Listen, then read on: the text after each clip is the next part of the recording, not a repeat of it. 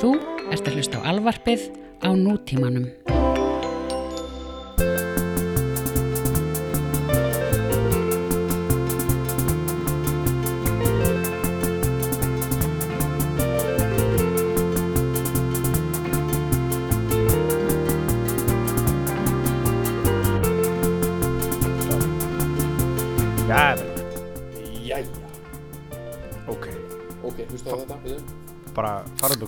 Nei, heyrðu, ok.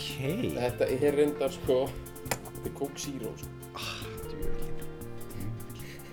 Ég held við erum að fá fyrsta interkontinental, eða inter, uh, Ég, ég er reyndar alveg til í að klukkan er orðin sko halv átta Ég bara, já, halló.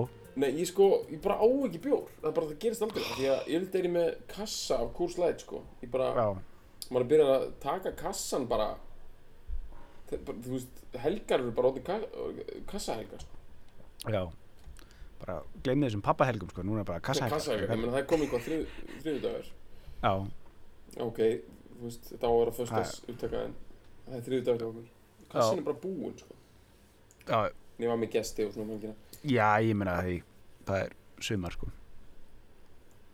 En sko, hérna Sko, þeir sem eru mjög, at, mjög klárir. Þeir hefðu fattað að þetta var ekki bjór. Það heyrist ekki eins og krakkar upp bjór eins og krakkar upp uh, gos. Og það, Það er mismunandi ktsch hljóð. Það er miklu meiri bassi í Þú tökum bjórin já, Já, þegar ég var að vinna á ölsingastofu þá vorum við að gera svona útarsölsingar fyrir Já. eitthvað túli eða eitthvað. Og þá vorum við að eða þetta var mér þess að sjónsölsing en við vorum að gera svona hljóð sko Mm. og þá lágum við bara í þessu í marga klukktíma svona mismunandi, Mm. svona bara að mixa þessi hljóð sko bara sömu, já, á sömu leiti hljóma sko gósin betur þau eru svona að pírsa meira gegn þegar það er meira treppól í þeim sko Já. en Nú er ég með, sko, ég er með, hérna, í gleri, sko. já, þú myndir Hey. örgulega að mun heyrast meiri Hélaðan, sko. Ætlar að núna það? Sett hann upp í mækin. Ó, heyrðu, þetta gott. Þetta var bara svona ótrúlega líka clean. Sko. Já, það er það sem dósing gerir. Hún rýfur þetta alltaf meira upp, sko. Mm Þú rýfur í fróðana, sko. Já, En herðu, en, já, sko, við þurfum að bara fara á alveg- buksunum hérna, sko. Við erum að fara, Já, ég er samt ennþá, sko. ég, ég, veit, ég er líka stressaði, sko. Við erum bara, við Nei, þurfum ég bara að viðkynna. Ég er mannamálina. ekki, ég er ekkert stressað Jó. yfir því. Nei, ekkert, Jú. það er ekki það. Ég er bara, ég er eins og, sko, Ok. ég er sko búin að vera að passa börn í þannig dag, sko. Já, einmitt. Þú veist, ekki bara mín börn, sko. Nei, Þetta er náttúrulega fáránlega aðstæða sem ég er búin að vera í, sko. Ég er bara búin að vera Mm. með eitthvað daddy daycare hérna bara í þann dag, sko. já, Mér, þú veist alveg að það er ekki alveg my cup of tea, sko. nei, nei. Ég, ég sko get alveg verið með mín börn, sko, en þegar ég er að passa, veist, ég skil ekki hvernig það gerðist. Þetta er einhvern veginn að, sko, ég er designated núna með krakkana, Já. ránum mjög upptikinn en staðana á, er Já. mál. Svo er þetta alltaf því, kra krakkun leiðist, þú nennar bara ekkert að vera með mér, nei. Þú ert að byggja um playdate. Já. Á, segja þau þá á, á en, ennsku eða? Já, já, ég meina að krakkar á Íslandi segja það líka. Hvað Já. heitir? Ég hvað er þetta að Leik-? Leikmót? Leikmót. Playdate er nú bara alveg basic orð, sko. Já, flott. Já, þau, byggja ekki bara um playdate á ennsku, þau byggja um, skilur, þau, byggja um mustard Já, á, á pulsu, skilur, en ekki nei. íslenska er bara, bara, go down the drain þeim, sko. já, það að skeina sér á, á fróni, sko. Já, bara sagna arfinum, þannig að þau myndu fá möðru vallabók, þá myndu þau bara, Já. sko. við myndum fá eina hérna bara svona svona sk- skotthúfu samlega bara drulla drulla, fyllan af s- skít sko skeinar sér á skúfinum sko En, ok, ok, sko, allavega, hérna, sko, það finna þér, sko, sömböð finnst ég mjög, finnst ég mjög fín. Já. þér finnst þau fín Já, nei, sagði- já, Já. ok og örgulega öfugt, þau einhvern veginn líka og bara, jafn, og bara mjög skemmtileg með þess sko. já, svo eru börn, önnur börn sem sko bara þau bara pyrra mig sko. já, en þú veist, ég náttúrulega ger ekkert í því ég bara síða innan sko. mhm, það er bara það er mhm það er þannig sko þau eru bara þau eru bara, já, misjöfn og þau eru mörg sko en ég hef á tilfinningunni að börnin sem að pyrra mig það eru börnin sem að krakkandi mínir er ekki að fíla heldur sko. mm. þó þau við ekki það ekki sko. Mm.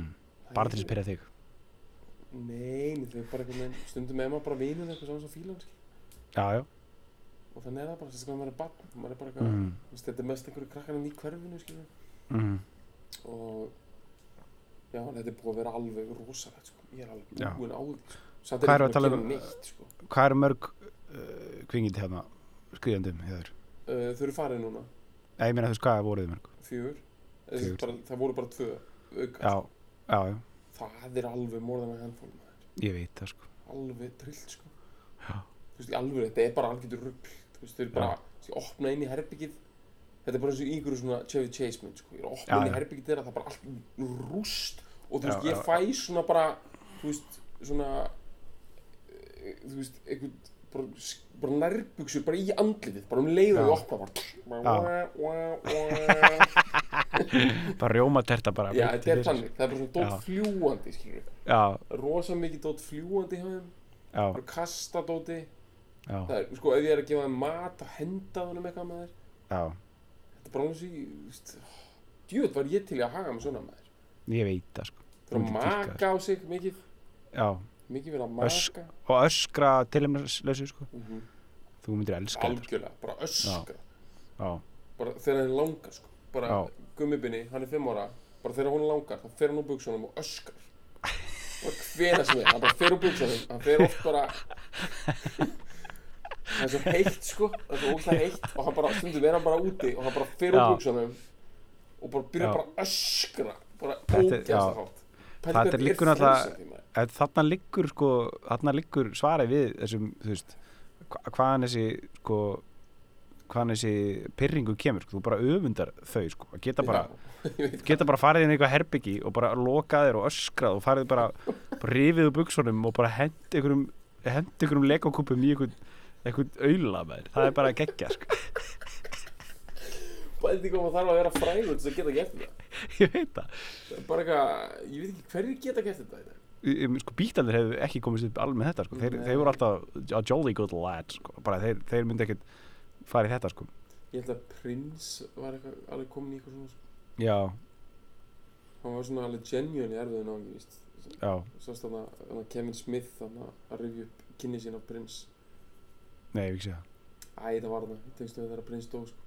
það uh, Ok um, En já, nú er ég góður sko. Þetta er bara Ok. klart ok, Og við erum náttúrulega erum með eitt stærsta uh, nötakjötsbita á borðum já, sem hingað til hefur bara verið settur á okkar borð já Við erum bara á Argentínu Steakhús og það er bara Já. 1994 og við erum fastegnasalar og við vorum að Já. klára að selja Maður bara, fimm eignir bara, já, bara, hand, bara taka handshake upp á perlinu sko. þetta er bara allt í góður við erum að fara með perlu og við erum með bara, sko, stóra London Dogs vindla og ætlum að borða Bara- sko, 1100 grömm af nautakjöti.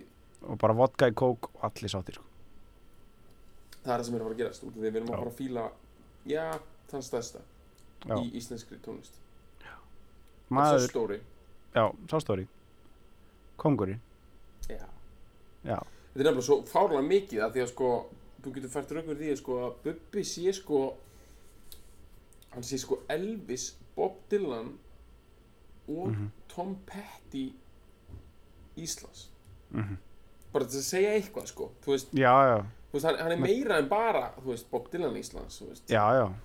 Það maður hendin hann að dassi að Joe Strömmer sko. Já, og, mikið af því. og helvítis Ekki uh, Bob. steinar sko já, já, ekki stein í honum það sko. er steini hann að veist, það er, he's got it all sko já, hann er hann representerar mjög mikið af því sem hefur Mm. verið í gangi í músík uh, í, í bara engi saksneskri menningu síðustu 30 ár mm -hmm. svo hefur hann náttúrulega gert alls konar þú veist, svo hefur hann náttúrulega þú veist, farið í já, reyndar hann náttúrulega reggið er náttúrulega eitthvað sem hann fór í einu alveg frá byrjun Mm -hmm. og það er kannski svo hefur hann farið meira alveg út í svona world eitthvað maður á að kalla svona meira þessu kúpudótið já, já, og svo allan pakkan þú veist já, já, uh, mikið blues já, mikið tekið af því alveg, þú veist, ég meina hann tók rappið, þú veist, 94 sko. já, já. Uh, hann tjekkaði það bók, sko. sálartónlistinn, Já, bluegrass, já. Og svo alltaf er hann samt að koma aftur og aftur í fólkið. Já, já, og Það það, má alveg segja að það séu samt svona nokkrir megin stopnar í hann sko, og fólkmúsík er eitt af því sko. mhm, ef maður á að vera þetta svona, þá er hann, þá er, hann er hann er með svona main pillars í sér. Já, það er, hann er fólkari og hann er pönkari. Mhm, svo er hann jú, svo er hann mögulega bara svona góður og gegn rockari. Já, og blues rockari. Þannig þurfi ekki Bara að hljóma svona- blues sem gallaböksnaðar 12, okkar, 12 bar já, já, svona fjóri fjóruðu bara kyrslu já, máliði döttur okkar, sko, já, haltu kæfti þrjú tóna stáli. Já, bara rock, Skokka- rock while you have him bara smoke him while you got him rock, rock while you have it uh, got him eitthvað segi rock it till you got it, já, bara svona rock it while you have it já, smoke him while you got it Já. while you have it já, nákvæmlega. Það er, það er bara aldrei málið, sko, hann, hann er djö, hann er líflega, það er, eins og allir vita, hann er uh, kamiljón, sko. mm hann hefur bröðið sér í allra uh, kvikindalegi sko. hann hann uh, hann líka sko málið er það að hann speklar hann er alltaf einhvern veginn spekla spekla samfélagið sko já, alltaf, á, hver, á hverjum tíma sko er hann alltaf er hann alltaf uh, einhvers konar þú veist, ansvarið einhvers konar, einhvers konar svona hann er alltaf, hann er alltaf, hann er alltaf lífandi já þú veist og, og svona- samfélaginu Já, hann er mjög samfélagslega næmur sko. hann er alls ekki þú veist, svona hann- gaur í bublu sko. Nei, nei, hann, Hann er- hann algjörlega færist með tíðarandanum og svona og túlkar hann jafnóðum sko. já, hann er mjög virkur þáttakvæði en það, núna myndi ég segja að á þessu stíð þá alltaf er komið að massífum fyrirvara sem ég ætla að koma með hérna. Ok, en sko, þetta er ekki fyrirvara, þetta er skemmtilegt. Ok, sko, lát, lát, lát vaða þetta, hann er svo stór en það er ekki bara bubbið stór.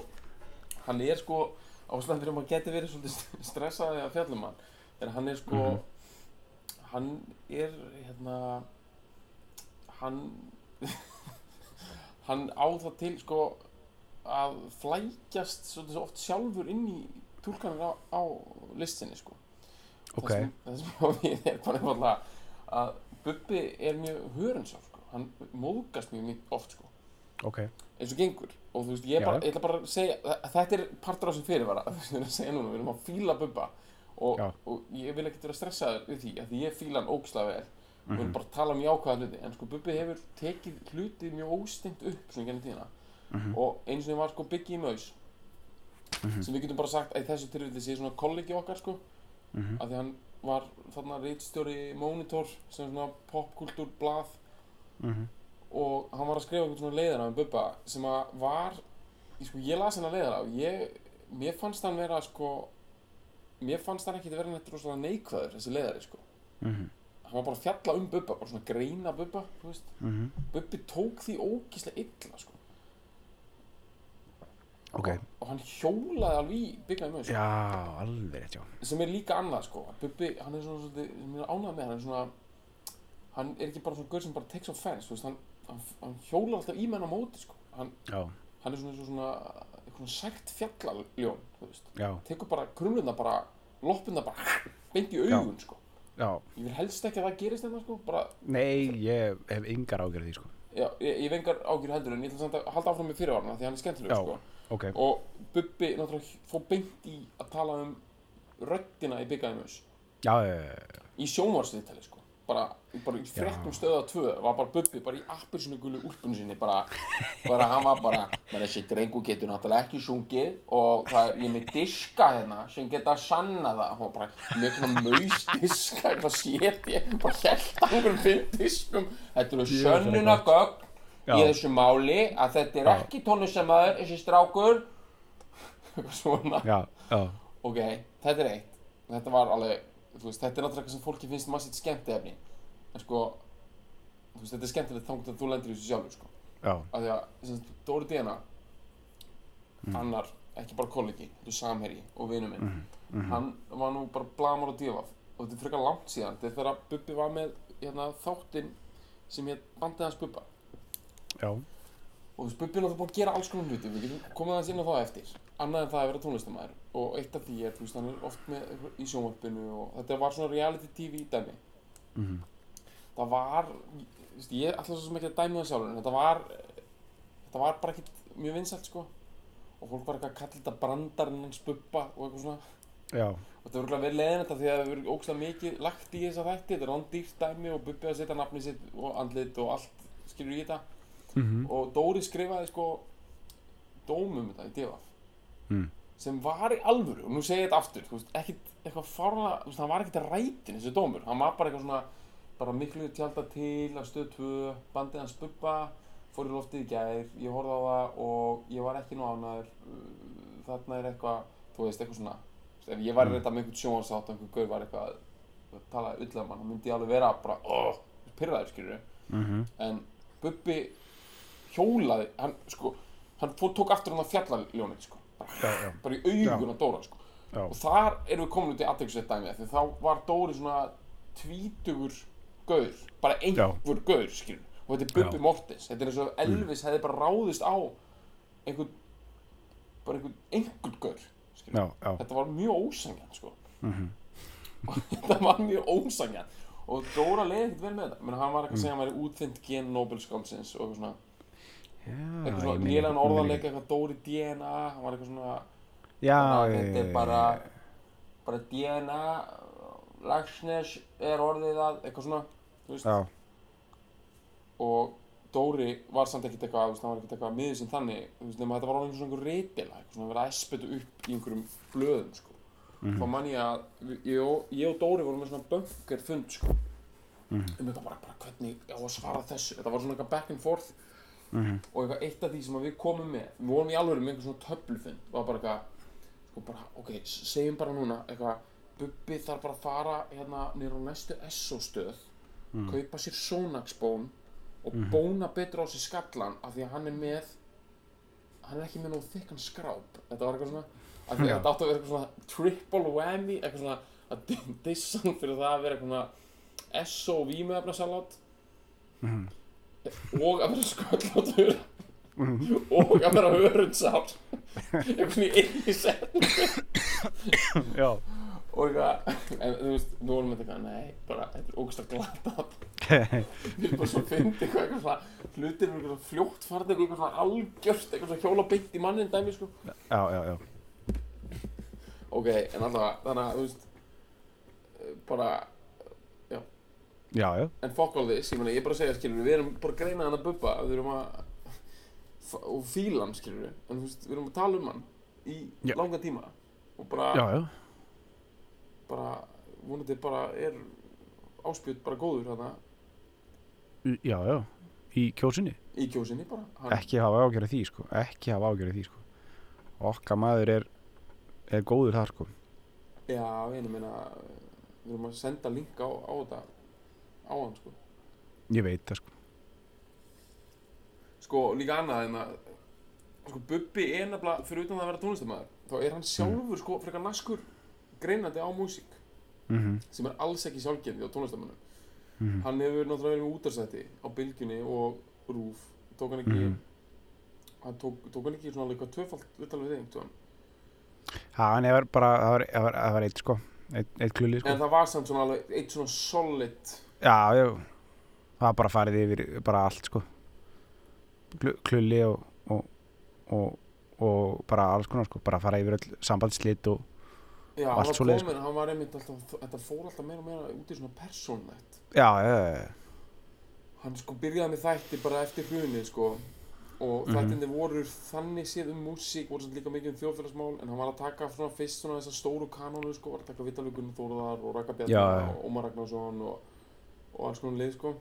Mhm, og þetta voru bara farlega góði þættir sko út Já, því að geggjaðir, fjalla um, um íslenska músík sko uh, ég, sko, mér, mér finnst Bubbi tala um svona áhugavert út, sko. Hann var að taka við Gunnar Þórðar. Já, og Gunni Þórðar var að segja eitthvað svona, hann hafði unnið á beisinu. Já, sem er svona þekkt stærð, þú veist, í öllu sem er hljóma, sko. Þú veist, Mhm. bara, þeir voru eitthvað svona á beisinu, þú veist, með þess að áðurinn fór að spila á beisinu voru þeir eitthvað svona vinnaðar, bara svona sem einhverjir vikadrengir og eitthvað, hitt og þetta. já, já, og Bubbi var eitthvað, segðu mér meira frá þessu bass dæmi og Gunni var eitthvað að hérna, segja eitthvað meira frá því. Svo var Gunni Þórðar að byrja að tala um það að hann alltaf fengið einhverja samlokur á bassinu. Mm, og Bubbi var bara, rólegur, hvernig samlokur? Og Gunni var eitthvað gr grillaðar ost, ostasamlokur. Býtu, býtu, býtu og svo var, voru þeir bara eitthvað að tala bara Bubbi vildi vita svo ógæslega nákvæmt já, um þessa grilluðu ostasamlokur sko bara hvernig lykt það hefur að þeim og hvernig það hafa einhvern veginn verið eitthvað öðruvísi heldur en það sem fólk þekk í Keflavík Sko, þetta er, þetta er fokkin, þetta er fílun, sko. þetta er, bæði er þetta fílum þetta, Þetta er líka fílun, sko. kjarni málsins sko. Já, já, þetta er það sem að sko þú veist, já, þetta er það sem ég hef áhuga. Gunni Já. Þórðar að borða einhverja, einhverja grillaða ástasamlóku á beysinu Já. sko 62 skilur. já, bara með eitthvað gott quiff, hérna, kveif hérna. í gangi Já, sko. quiff í gangi, bara, og bara borða eitthvað grilled cheese Já. og bara setja eitthvað coins í the jukebox, sko. Það er, þetta er kjarnin sko. þetta er geðveitt, sko. Bubbi er svona gauð sem svona oft finnst mér svona skilur kjarnan þú veist, í músík Mhm. og svona popular culture sem greinandi, ekki bara sem listamáður sjálfur, þetta, hann skilur þetta í öðrum sko. Mhm. þess vegna langar mig líka til þess að vanda mig því við erum að fjalla um Bubba út af því sko. Mhm. því að hann er bæði að fara að vera ef hann hlustar á það þá er hann bæði að fara að vera eitthvað svona kannski sensitífur af því að það verða að tala um sjálfan sig og það skiptir engum máli hvað hann er frægur menn verða alltaf sensitífur við því en svo er hann líka að fara að vera sko naskur á hvort við séum beinleins að nota réttu tólun í greiningunum sko. Ég, ég veit hvað minna, sko. já, Ég veit hvað minna, þetta er, þetta er,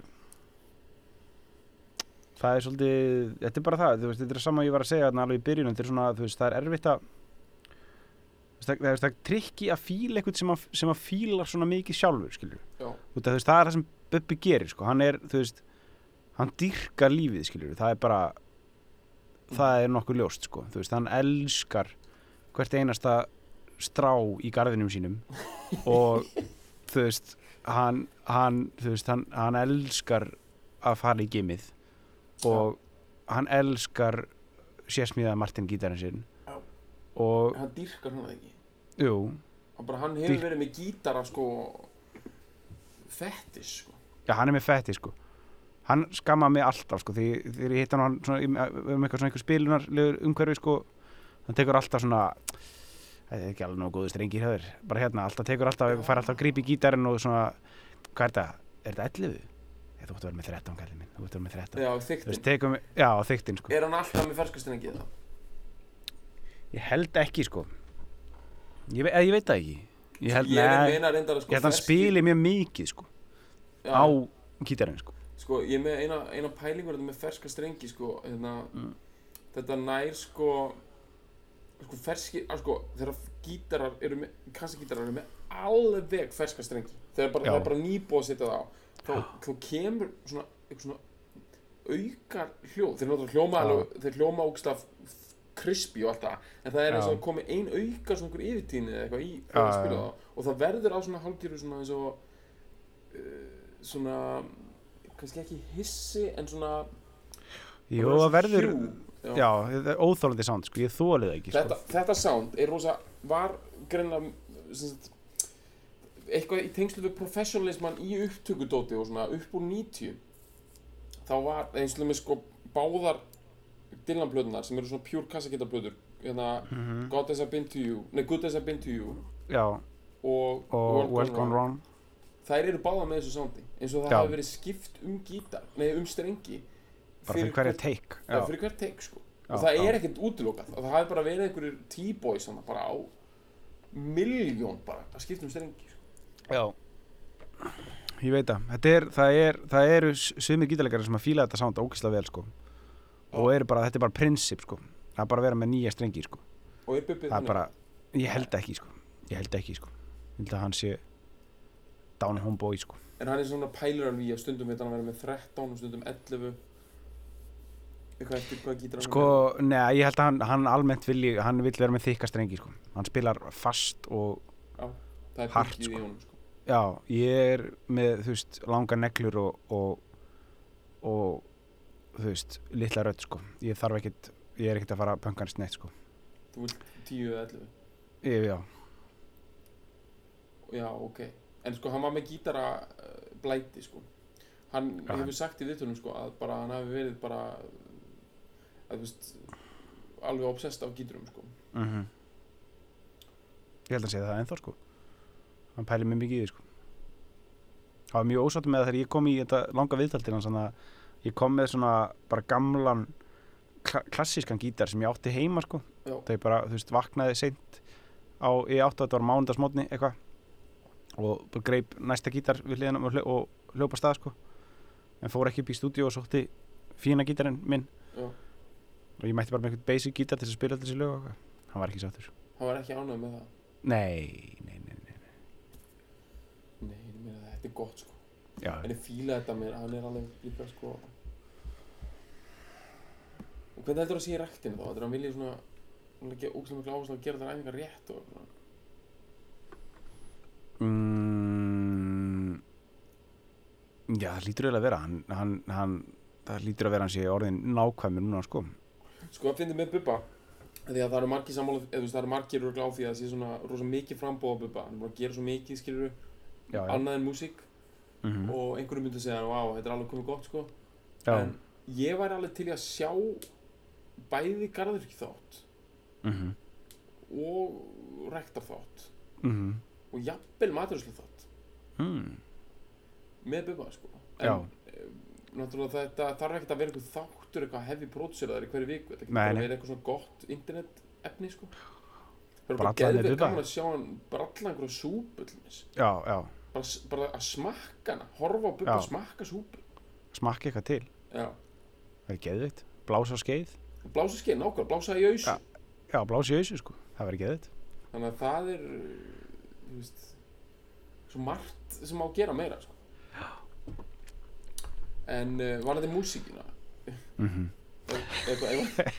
Ég þá- bara að fíla bubba bara sem, sem manneski já, við þurfum svona aðeins að ná bara svona Já, ég veit það, ég meina þetta er sko, það er stór svolítið steik. cool samt sko Bubbi hefur uh, ég held að hann leggja svolítið áherslu á það að halda svona gæða st- stuðli í músíkinni sko.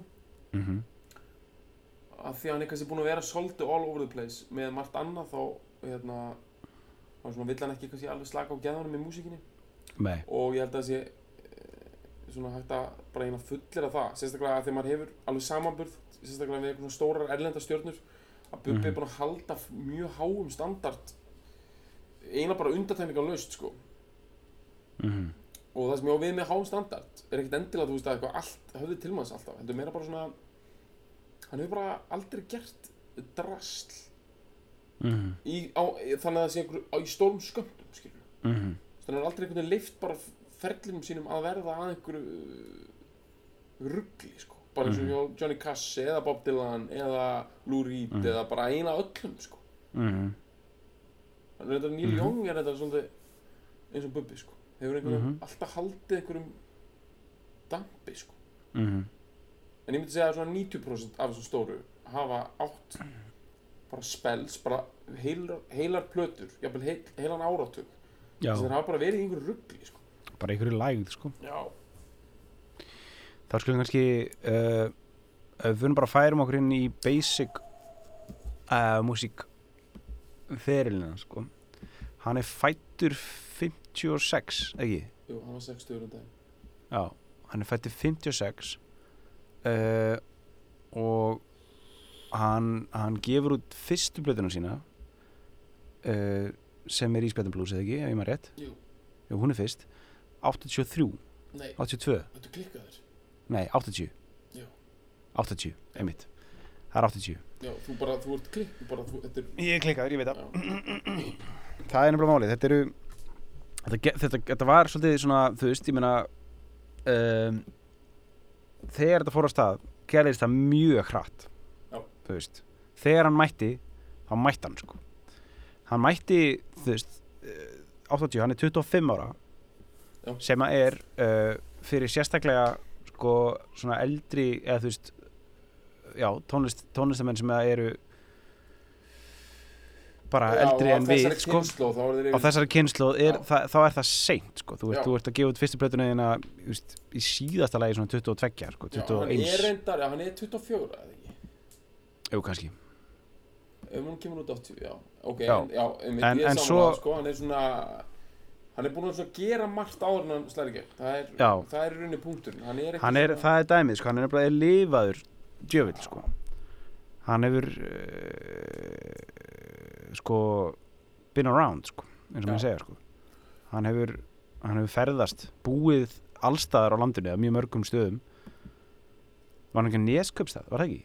Jú, Nei, var Eskifirði? hann var- Já, ég menn hann var basically farandverkamæður eins og er Já, mjög vel dokumenterað bæði í, í lögunum hans og líka bara í viðtölum og fleira. Og þetta var mikið jú eitthvað frá austan og svo var þetta vestmannegar og Vestmannaeyjar. og allt þetta dót sko. Já, og þetta var miklu algengara þá eða bara þetta var til þá þá fór bjóð fólk í verbúðum og allt þetta. Og hann er alltaf að koma þetta er greinilega svona hans sko uh, dæmi, þú veist hann er alltaf að koma aftur og aftur á þessu. Sko Bubbi var bara Mhm. síðast í viðtali eitthvað með eitthvað Facebook dæmi bara um daginn eitthvað að tala um einhverja nöðganir og verbúðum og Já, þú veist hann er alltaf að koma aftur í þessar verbúður sko og svo er hann með hann hann er alltaf að tala um að hafa klikkaði hluti verið að gangi á, á þessum verbúðum sko. Sko, ég, maður skjóti inn inn í hérna.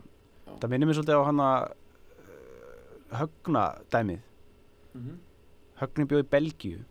Uh, frá því hann var uh, svona nýju þá var svona nei, hann var svona, nei, hann var svona tíu til þrettán ára eða eitthvað leis ok, og hann er alltaf að tala um hann, hann sko, getur ekki ímyndað þér hvað hann er oft komið inn á það að, að, að sko, já, ég er náttúrulega bjóð í Belgíu þú veist, já, hann til dæmis sko þegar hann til dæmis svona hann, hann, hann þau voru að fara að spila okkur svona rúna júl minningatónlingum hjáltalín og hann svona svolítið svona ka- kannaðist ekki fullt af lögum sem hann kannaðist ekki við sem er alveg lett svo sem en hann var bara svona já ég er náttúrulega bjóð í Belgíu. Bara eins og hann hafði mist af rúna júl út af hann bjóð í Belgíu frá frá því að hann var 10 til 13 ára já það þurfa allir að eiga sér á svona Belgíu hann kemur alltaf aftur að þetta bara alltaf bara svona ég veit þegar þetta er komið bara ekki segja það er búið í Belgíu ég veit þú bara ekki, ekki, ekki klínund á Belgíu svínið Já, já, ég meina, þetta er, það þurfa allir að eiga sína Belgíu, sko. já já ég veit það Og um, ég veit ekki nefnilega, ég þarf eiginlega að finna mína Belgíu, sko. mm -hmm. Svona bæði sem svona scapegoat já og sem svona haldreipi, sko. haldreipi bara í öllu. Þegar þú ert eitthvað óöryggur í einhverjum, þú veist þess að Bubbi er að tala um nöðganir, þá er það bara eitthvað, fer hann í verbúðuna, sko. Mhm. Það er svona hans thing, sko. Ég myndi ekki eins og vita hvað menning þetta væri það var ekki fyrir Bubba. Ég myndi ekki vita. Ég hef aldrei Nei. lesið uh, eitthvað, það er enginn í fjölskyldunni sem hefur verið að segja verbúðasögur. Ég hef aldrei lesið bók sem gerist á verbúð. Það er, er bara Bubbi. En það er hann mikið í þessu, sko. Og bara mikið í þessu. Vá, wow, þessi þáttu það reyna að vera þrý-fjóri tímar, ætlum að fara svona yfir hans helstu þemu, sko. ég veit það sko En þetta er náttúrulega, sko, við erum samt all, alltaf að nálgast þetta út af því að meira segja læginu sem að, við ætlum að fíla í dag og erum að fíla í dag. Það eru reynda komnir alveg til, sko, 87 eða ekki? 87, en þá er náttúrulega ennþá þetta þema og þetta er all, hann er alltaf að koma aftur og aftur að þessu. já Þá erum við að tala um, af því að það, það erum við að tala um þetta stóra þema með landsbyði versus hö, höfustæðin mhm. sem að, hérna, sem að er eitt stærsta þema í íslenskri list síðustu 20-30 ár líka, við skulum ekki glemma því að sko allar íslenska bíómyndir sko fyrstu íslenska bíómyndar komu bara eitthvað 80, eitthvað 81 eitthvað. Og nú segir kannski ekkert allar en mjög stór hluti að þeim er með þess, þetta þema. Og með þess að þessar allra, allra frægustu eins og börn náttúrunar og allt þetta. Og það já er, ég meni þetta er alveg fram í þresti og, og, og þú veist Já. hérna Paris Nor nei hvað það? Jú, Paris Norris og Já. allt þetta þetta er allt Þetta er allt í þessu sko, þetta er allt, við erum ennþá í þessu shiti sko. Þetta þema er oft kallað sveit í borg Sveiti Borg og uh, já, og þetta er líka náttúrulega alveg þekkt í útlöndum. Þetta er alveg þekkt þema. Já, já. og þetta, af því að það hefur allt sem að góða bókmyndir hafa upp á að bjóða, þú ert með þetta þema þú ert með fyrringum mannsins og Mhm. hvernig hann tengist síðan náttúrunum, hvernig hann tengist hann í sjálfum sér og hvernig hann síðan þarf að la- aðlagast að lifa í nýju samfélagi þéttara og flóknara Mhm. og fjölbreyttara samfélagi hvernig Mhm. málumilunina þarf að gera í tengslu við það og þetta er þort- fortíðarþráin og þetta er þetta er þetta er líka svona rosalega stórt bara svona í pólitík, þetta er svona mikið hitamál mikið Mhm. pólitík í þessu, það eru mikið peningar í þessu þetta hefur að gera með fjölskyldu, það er alltaf að vefja einhverjum svaka fjölskyldupælingar inn í þetta þetta hefur að gera með framtíð uh, batna og fór, þú veist, skilur og bara arfleið og bara, Já. þú veist, allt Einmitt. þetta sko og þetta er alveg, identity, þú veist, bara er þú þetta er alveg þetta er bara, þetta er bara eins þetta er bara eins stæst, þetta er bara stæsta bara spurningin eða bara þetta er bara stæsta þetta er eitthvað svona stór bolti sem að maður þú veist ég meina við báðir erum náttúrulega úr Reykjavík skilur við, við, þú veist, við kannski þú veist, ég meina maður get ekki sett sig þú veist, ég get ekki, get ekki, get ekki get ekki sett, við hvoru getum sett okkur í þau spór að hafa alist upp annar staðar en á, í höfustað þess, þess, þess land sem við búum í sko. Já, en sko ég er samt að alveg upp í gegnum svona skugga af svona Sveiti Borg dæmi, sko, svona rómant, sko. Og þegar þetta? mínir, bara, fóreldrar, bara báðir afa mínir voru bændur og fóreldrar mínir ólust upp í já, Og ok, það ok þýtti bara það, það alltaf þegar ég var lítið, það var alltaf einhver svona einhver skeptisismi gagvart því að maður byggi borg, sko. það væri lélega, skilur. það var eitthvað svona uppgjöf í því Já, það var eitthvað einmitt, það, væri, það var eitthvað lélega við það. Þú veist, Mhm. bara borgin er ekki málið, hún er. Mhm. Þú veist, Mhm. hérna bara eru hundar í bandi og það er lélegt. Já, Hérna er fólk að borða KFC upp úr fötu og það er lélegt, já, einmitt Í sveitinni drekkum við mjólkina beint úr speranum og það er Já. málið, Og bara í í hérna sjávarþorpunum þá er bara trillugatanir bara með, þú veist, bara með lífsbjörgina bara í höndunum og bara, veist, og fymti hver maður deyr við það að, veist, gera það. Við að draga fiskin úr sjónum. Og mhm, það er málið, þú veist, það er Mhm. mennska. Það sem er í gangi hér er það ekki, skilur við mhm, þannig að ég, ég kannski lifið ekki first hand sko sem ég sjálfur veginn í mínu en þetta er það sem var í kringum mig, skilur við mhm. og svo marga og örgulega þig líka og þetta, þessi talsmáti. Mhm, og Bubbi náttúrulega reyndar er hérna hann er náttúrulega svolítið mikið svona eins og bara hann er allt sko, en hann er alveg upp í bænum en ég veit að pappa hans var sem sagt málari. Mhm. Eða svona ég veit að, sko, hann vannur og eitthvað líka svona venjulega borgarlega vinnu en hann var listmálari sem var mjög mikið, ferðast mjög mikið um sveitir af því hann málaði myndir af af sveitabæjum sko. Mhm. af því þú veist, menn verða að berga sér einhvern veginn þú veist, þú mála mynd af sveitabæ og þá er líklegt að maður á þeim bæ kaupi þá mynd sko. Já, já, já. Þú veist, hann gerði mjög mikið af því og svo var hann mikill veiðimaður sko. Mhm, og uh, en, en Bubbi er ég aln upp í Reykjavík en Mm. er alltaf tengdur þessu bæði svona að pappa hans var sko listmálari sko mhm, og, og veiðimaður og alltaf út á landi sko, frá náttúrubann. Ok. Þannig að það er hérna, hann hefur bara alveg upp með þess að tókstreitur líka sko. Örgulega Mhm. eitthvað, svona, eitthvað í ná- nánundur það sem ég var að að lýsa á það með einhvern veginn svona allt í kringum hann er eitthvað svona mennskan er ekki hér, mennskan er er þarna úti sko. Mhm, við, við ána, við sjóin mhm, í fjöllunum og bara allt þetta dæmi en þetta er náttúrulega bara líka í íslenskri þjóðasál sko. Uh, finnst mér sko. Við Já. erum ekki borgarlegt samfélag sko. Bara glemdi sko. Við bara, Mm. við mýgum bara utan í staura sko. Já, þú veist, ég meina það er ekki það er bara ekkit þú veist, ég meina kultúrsjokk fyrir mér er að koma á staði í útlöndum þar sem að fólk tekur í hendina á manni og talar um látt og að skilur ég er bara vanur einhver svona bara að þú veist, fyrstu viðkynna fólki sem bara brjóti flösku og öskri skilur já, já gerði niður í sig og, já, og trillist sko. trillist Já. já, Þú veist, ég er bara það, já, en við erum ekki stofna mitt á milli sko. það er tókstreita já, og Bubbi bara, hans bara svona megin þema, hann er kannski með nokkur þemu, ég meina hann er ekki fullt um ástina og fóreldrahlutverk og domestic bliss og þú veist, hann er með nokkur þemu, skilur, þú veist, nokkur svona stór þemu, en þetta er allavega það langstæsta, það er Sveiti Borg þema, það er, það er, bara, þetta er bara svona minni sem að bara gengur gegnum allt hans já, hans höfundaverk sko. hann, hann sérstaklega, hann, náttúrulega ný, er ekki blöðan að það, er það ekki þorpið, er það ekki nýjasta blöðan? Nei, hann gerði svo plötuna hérna með með uh, hvennar hljómsveitinni já, Stormurinn mitt, heitir hún. Þess að þorpi þá er hann Spaðadrottningar. fólkplötu, sko, og þar er hann aftur komin bara mjög mikið í þetta sko. Það er bara sveit í borg alla leiðið í bankan sko. Og, en hann var mjög mikið í þessu á þessum tíma. Mm og hérna og þetta, Þetta- lag er stærst já, kannski þetta lag er svona þú veist það sem að þetta er algjörlega kjarnað sko, þessi pæling og þessi þessi hugsun og þessi og bara þetta eins og vorum að tala um þetta bara þetta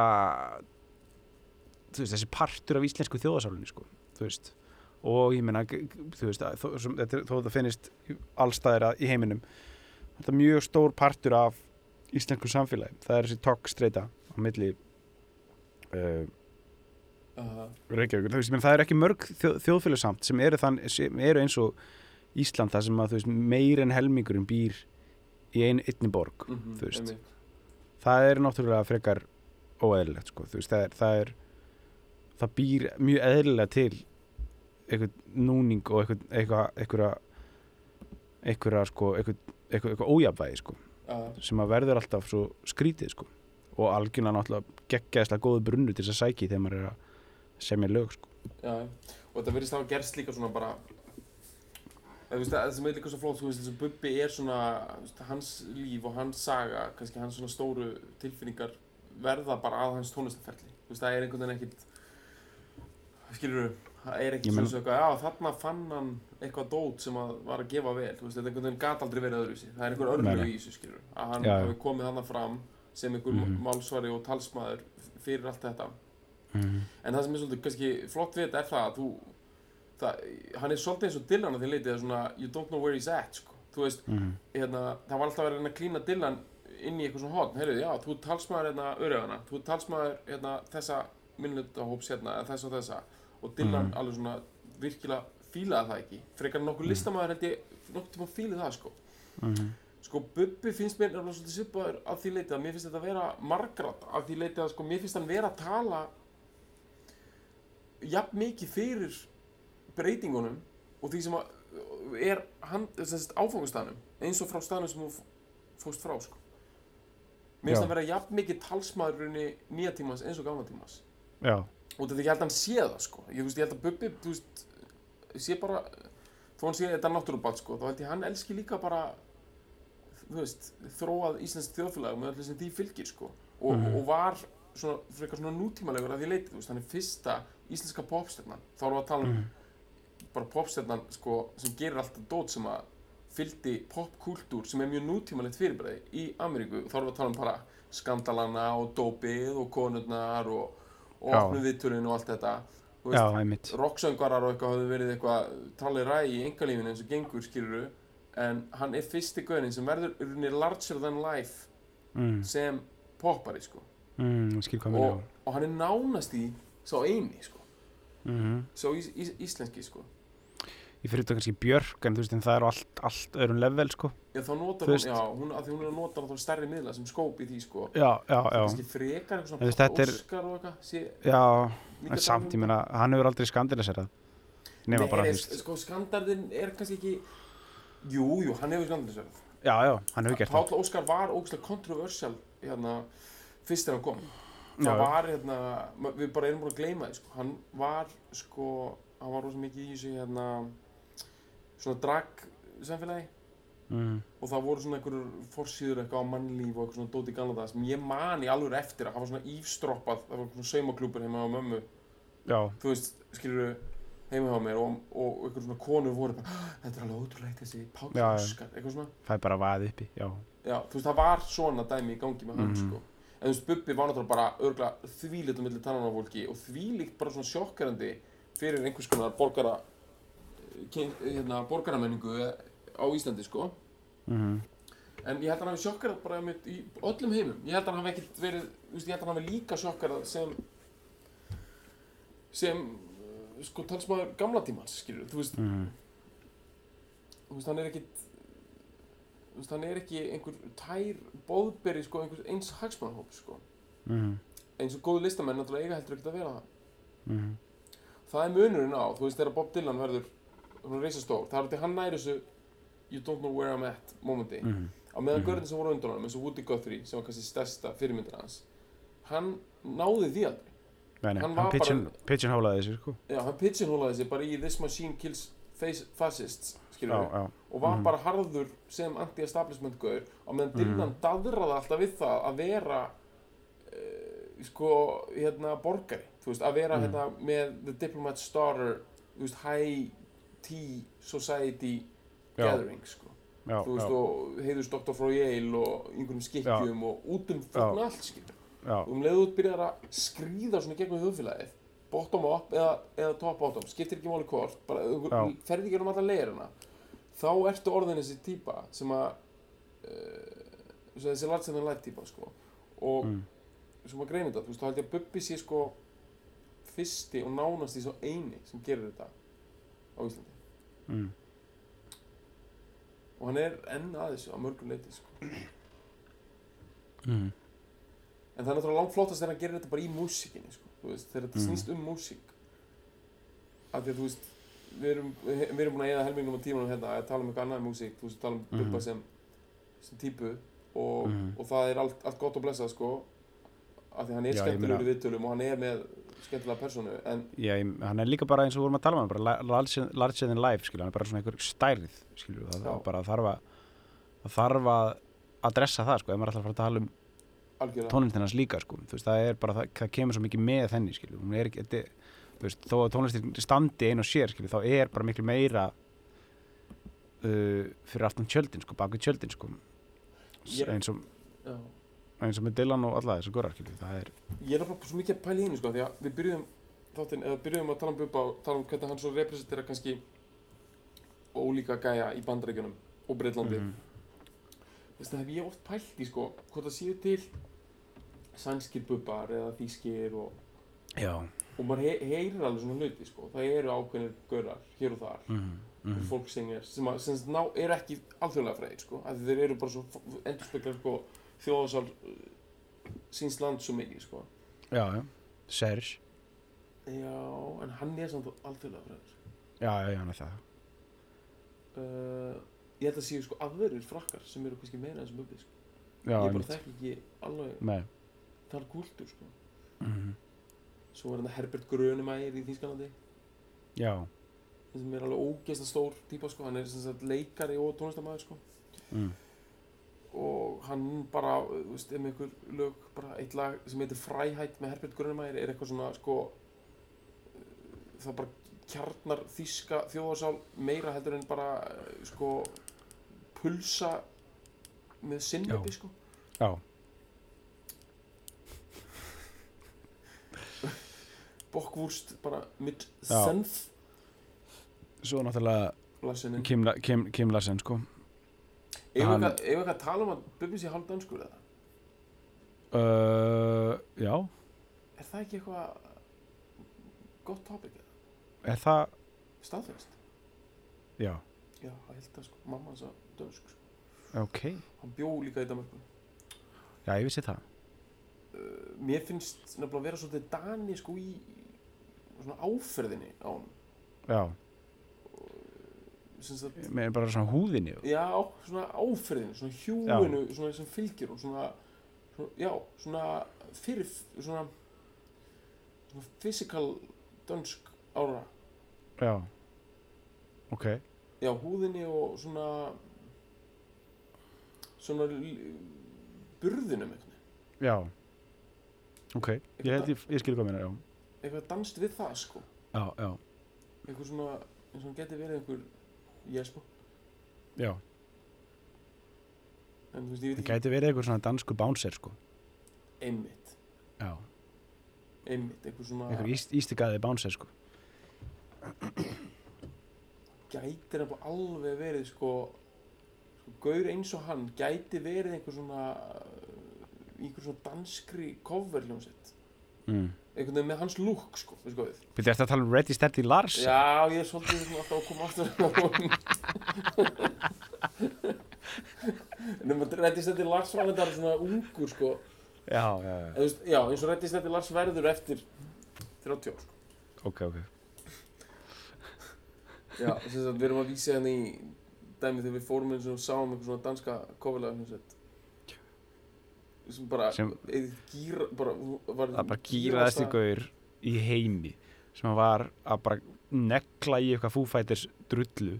Já, eða eitthvað, hvaða lag var hann? Það, var það ekki eitthvað svo leis? hann tók nefnilega bara sko hann Nei, er, sko. var fucking Bo Boys Are Back in Town maður.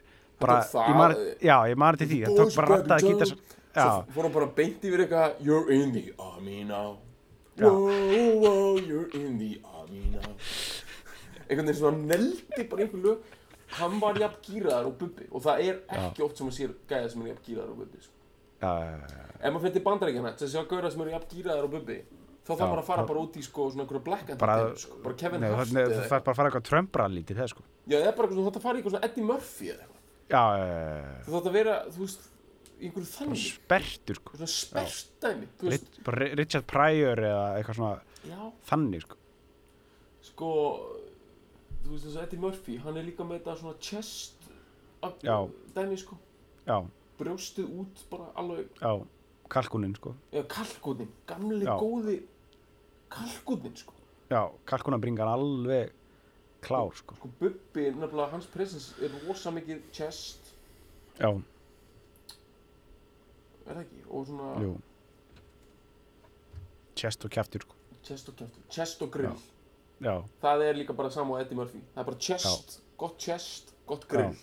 Já, bara þú þarft ekki meira. Bara to make it in this world of show Já. business þú þarft ekki nema gott chest og gott grill. Já, og bara get out son. Já. Út á sviðið. You're gonna see your name in the lights. Það er Já. bara þannig sko. Já, þá verður það þannig sko.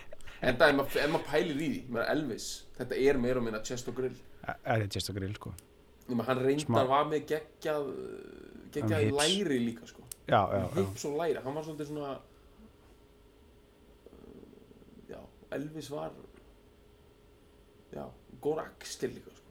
já, hann var eina rosa physical svona, á full body sko. Já, hann var eina svona spertur sko. Já, full body, full package já, entertainer sko. já, en, en við skulum ekki glemma þegar maður þarf bara chest og grill. Og grill sko þú þarft ekki gó- góð augu í showbusiness að þú getur alltaf sett shades. Mhm, þú þarft ekki hár. Nei. að þú getur alltaf verið með hatt. Mhm. og, s- og átt í rauninni að vera með hatt. Mhm.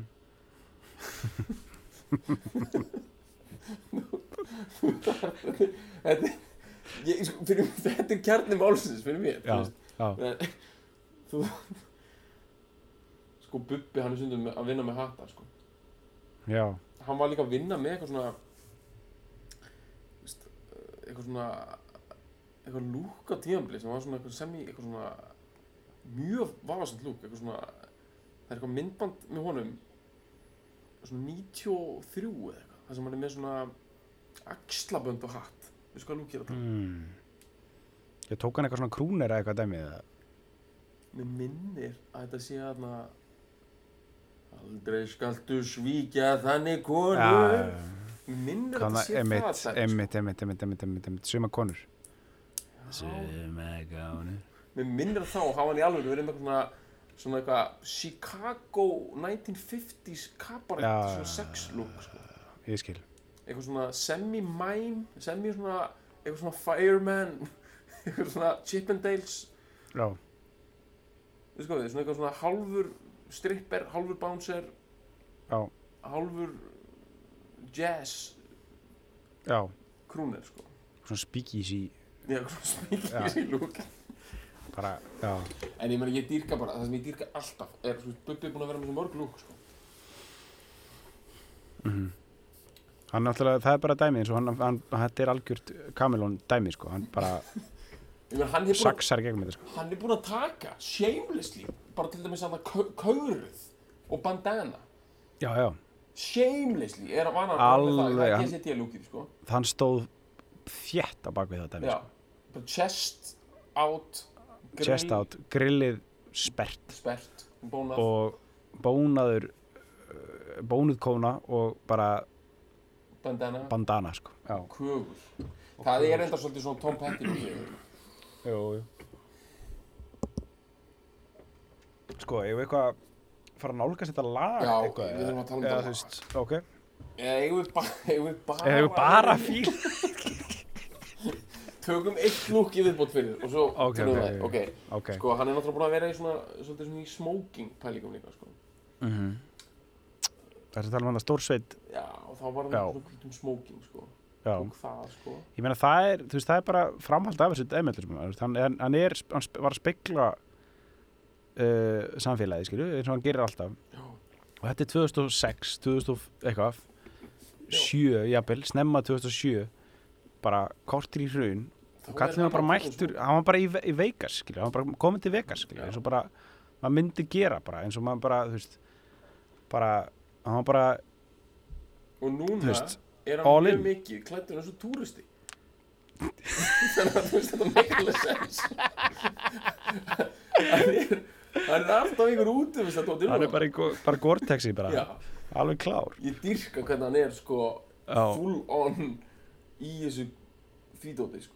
Já, já, af því að hann er á Snapchat alltaf að svona finna eitthvað nýtt sko svona, já, þú veist bara eitthvað god damn! Damn oi hann er eitthvað svona eitthvað sindamanni vesti það er, er sko.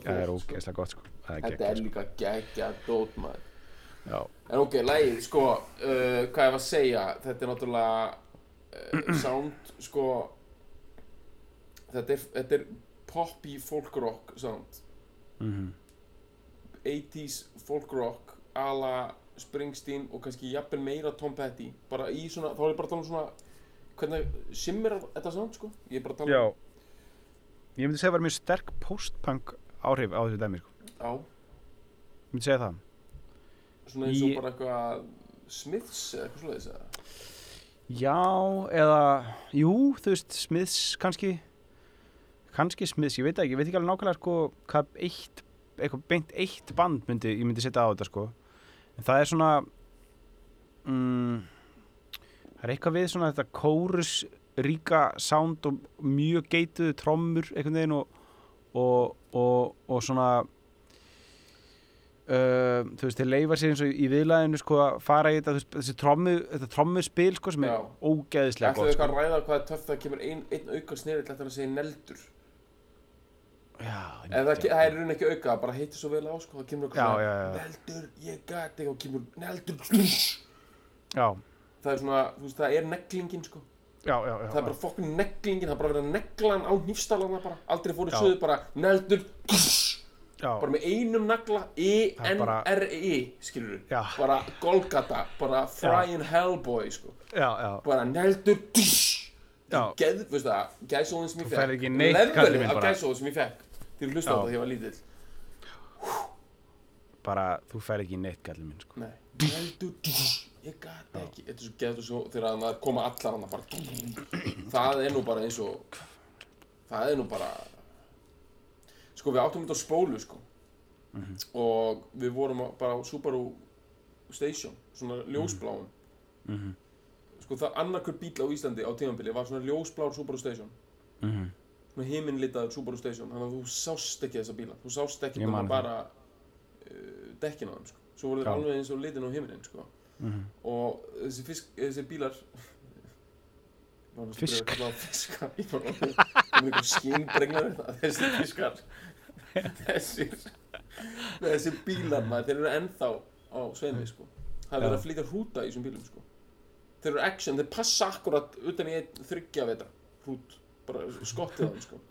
við vorum á svona, við vorum, kerðum ógeðslega mikið skilur, að við vorum alltaf að kera norður í Víknóa og þetta voru 670 kílómetrar þú veist bara Já. prí kvalfæragöng bara erum við að tala um að Já, var bara alveg þvílíkt landmaður og allt eitthvað Malbyggs dæmi sko. Og Mhm. það, það, þessi spóla var bara spiluð alveg í drast sko dögun Mhm. og ég meina aldrei fór í söður þetta er bara fyrir mér, þetta er bara víkurskarði sko og bara já, þetta er bara Subaru Station, ljósblár já, og víkurskarð. Takk. Já. Þetta er geðið veitt stöf sko. uh, þetta er náttúrulega vel crafted lag líka já, bara með tilliti til bara laglínu skilur já, bara laglínan og, og textin er alveg sko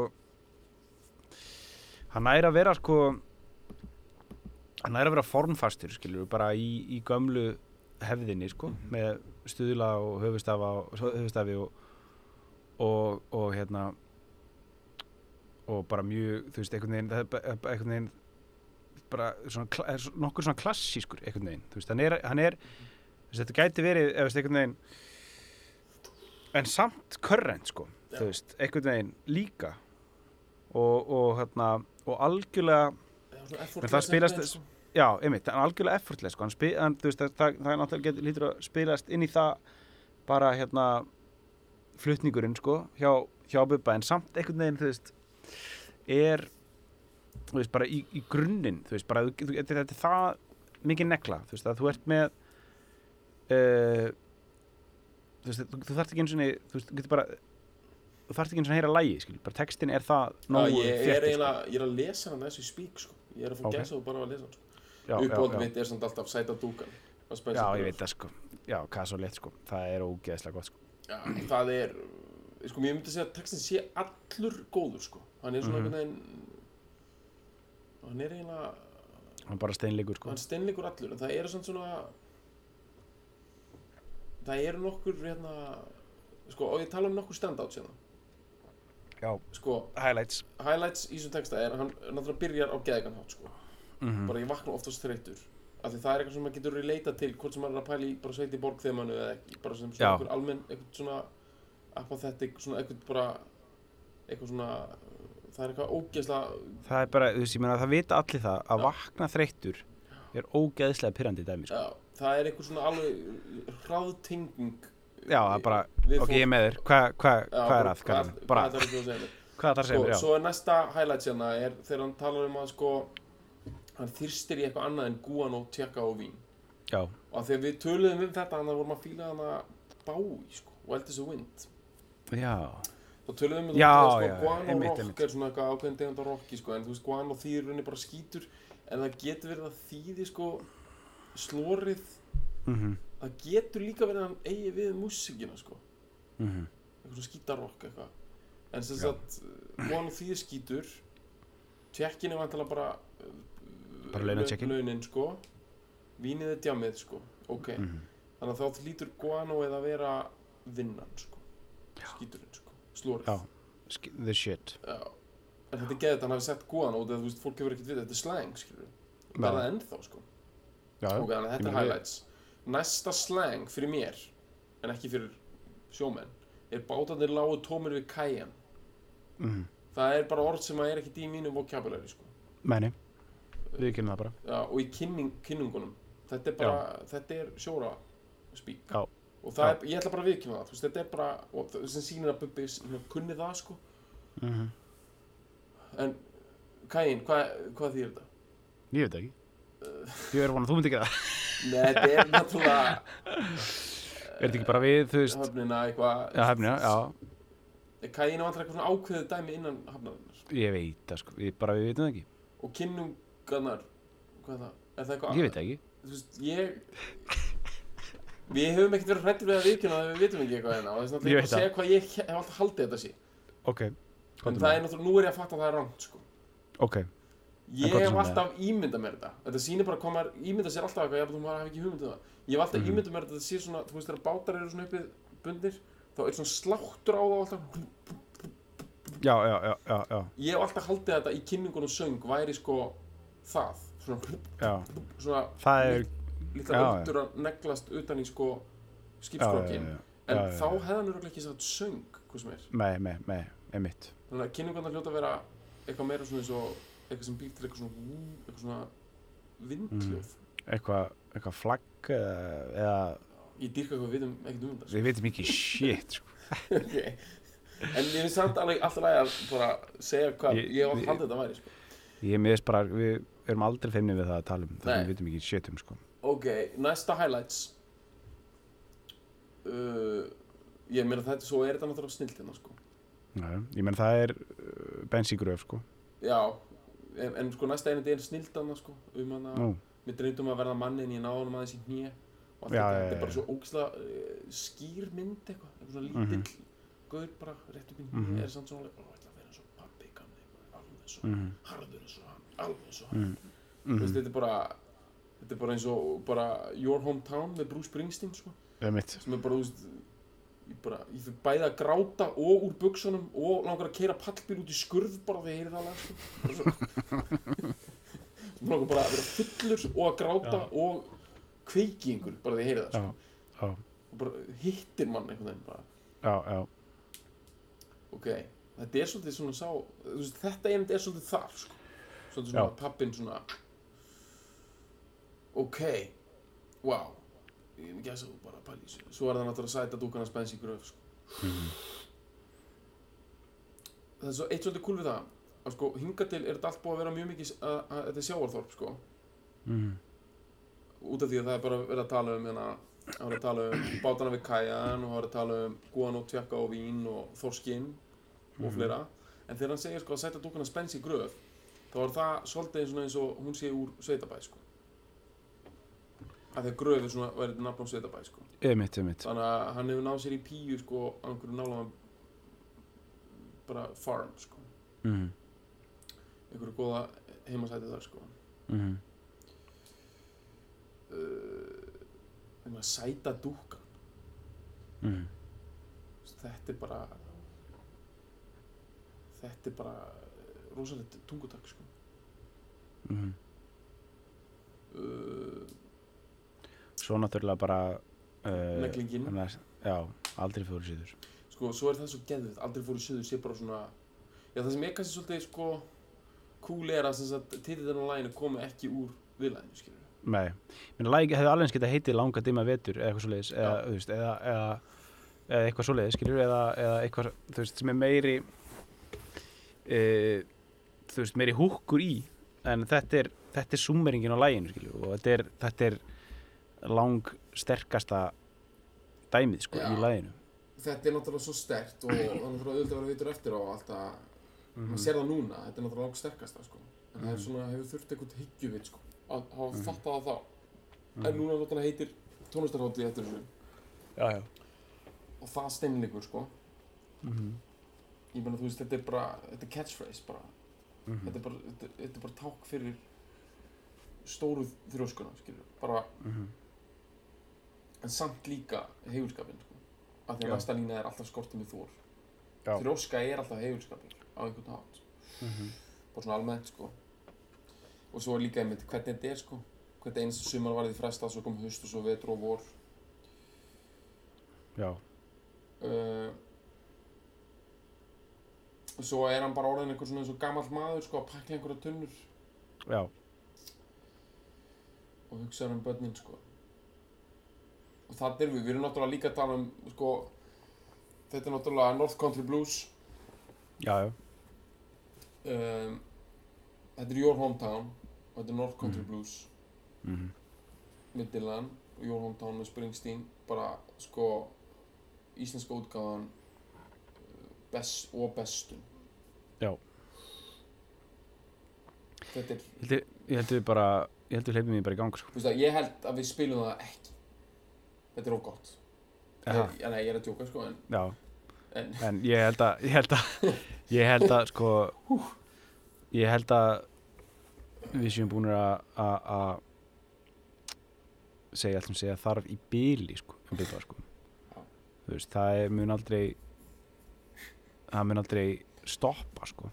nei, þessi lest mun halda áfram já. Og rúlla er- sinn veg. Þetta er choo-choo train sko þetta er Bara tjú-tjú svo train lengi sem hér er einhver stemning á meðan það er Já. stemning á Íslandi á meðan það er eitthvað aktivitet á Íslandi já, þá verður eitt stykki chest og grill já, í kóurjakka að já, túlka það sko. ba, já það er bara þannig sko. uh, en bara, bara, íst, bara fjallkona lítur í speil og bara horfður tilbaka bara eitt smælandi legur, leður, kögur, jakka uh,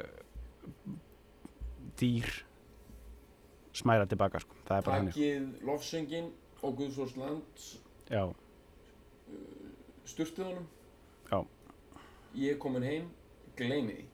Já, uh, súmering íslensku þjóðarinnar og baráttu hennar sístu 30-40 ár.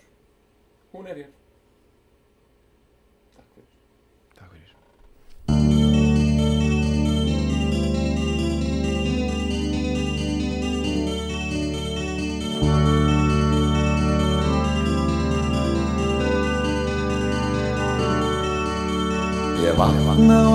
oftast þreyttur Varla með sjálfum ég En ég veit að er til annan líf En það sem ég lifi hér. Og þrá mín hún vakir Meðan þokan byrgir mér sín. Mér vistir í eitthvað annað En góðan á að tjekka og vinn Á fisknum lifir þorpið, þorskurinn er fólkinu allt. Það þrælar alla vikuna, vaðandi slór og salt. Við væri bandið standa menn, en þeir finna þar enga ró. Flestir þeir ungu komnir söður, þar sem af draumanum er nóg. Langaði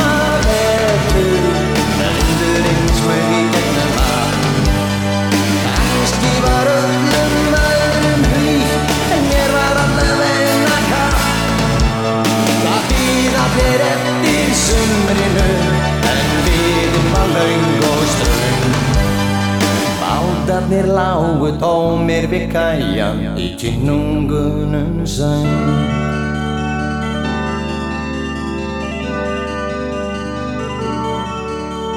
Fadir minn átti drauma sem dóu fyrir lítið þér.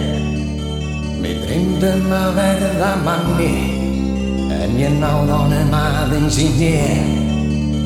Ég gleymi seint þeim augum, gínandi botlaust tón. Gamall maður fyrir aldur fram með brostinn hrjúvan róm.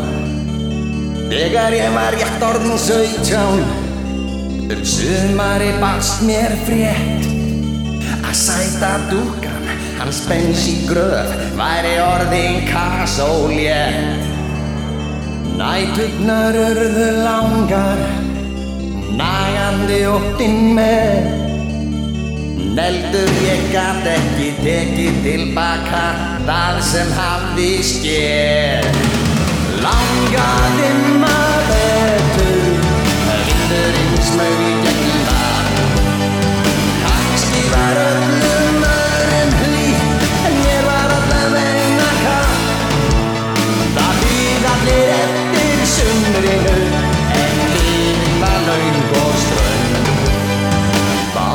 Bátarnir lágu tómir við kæjan Í kynungunum söng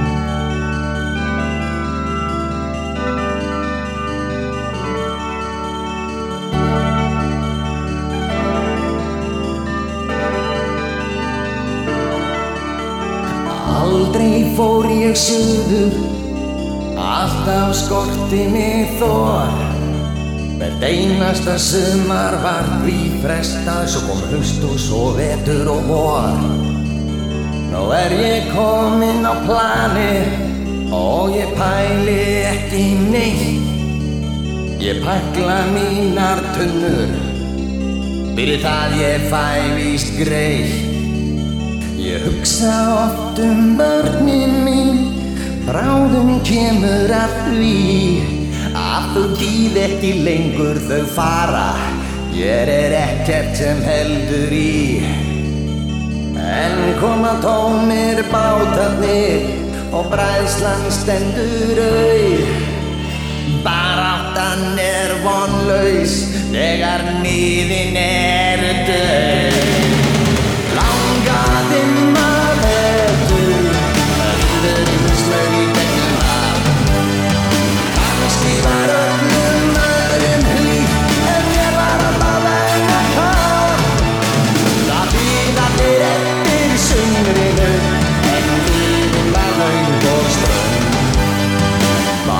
Vatnir lágu tómir við kæjan í kynungunum sann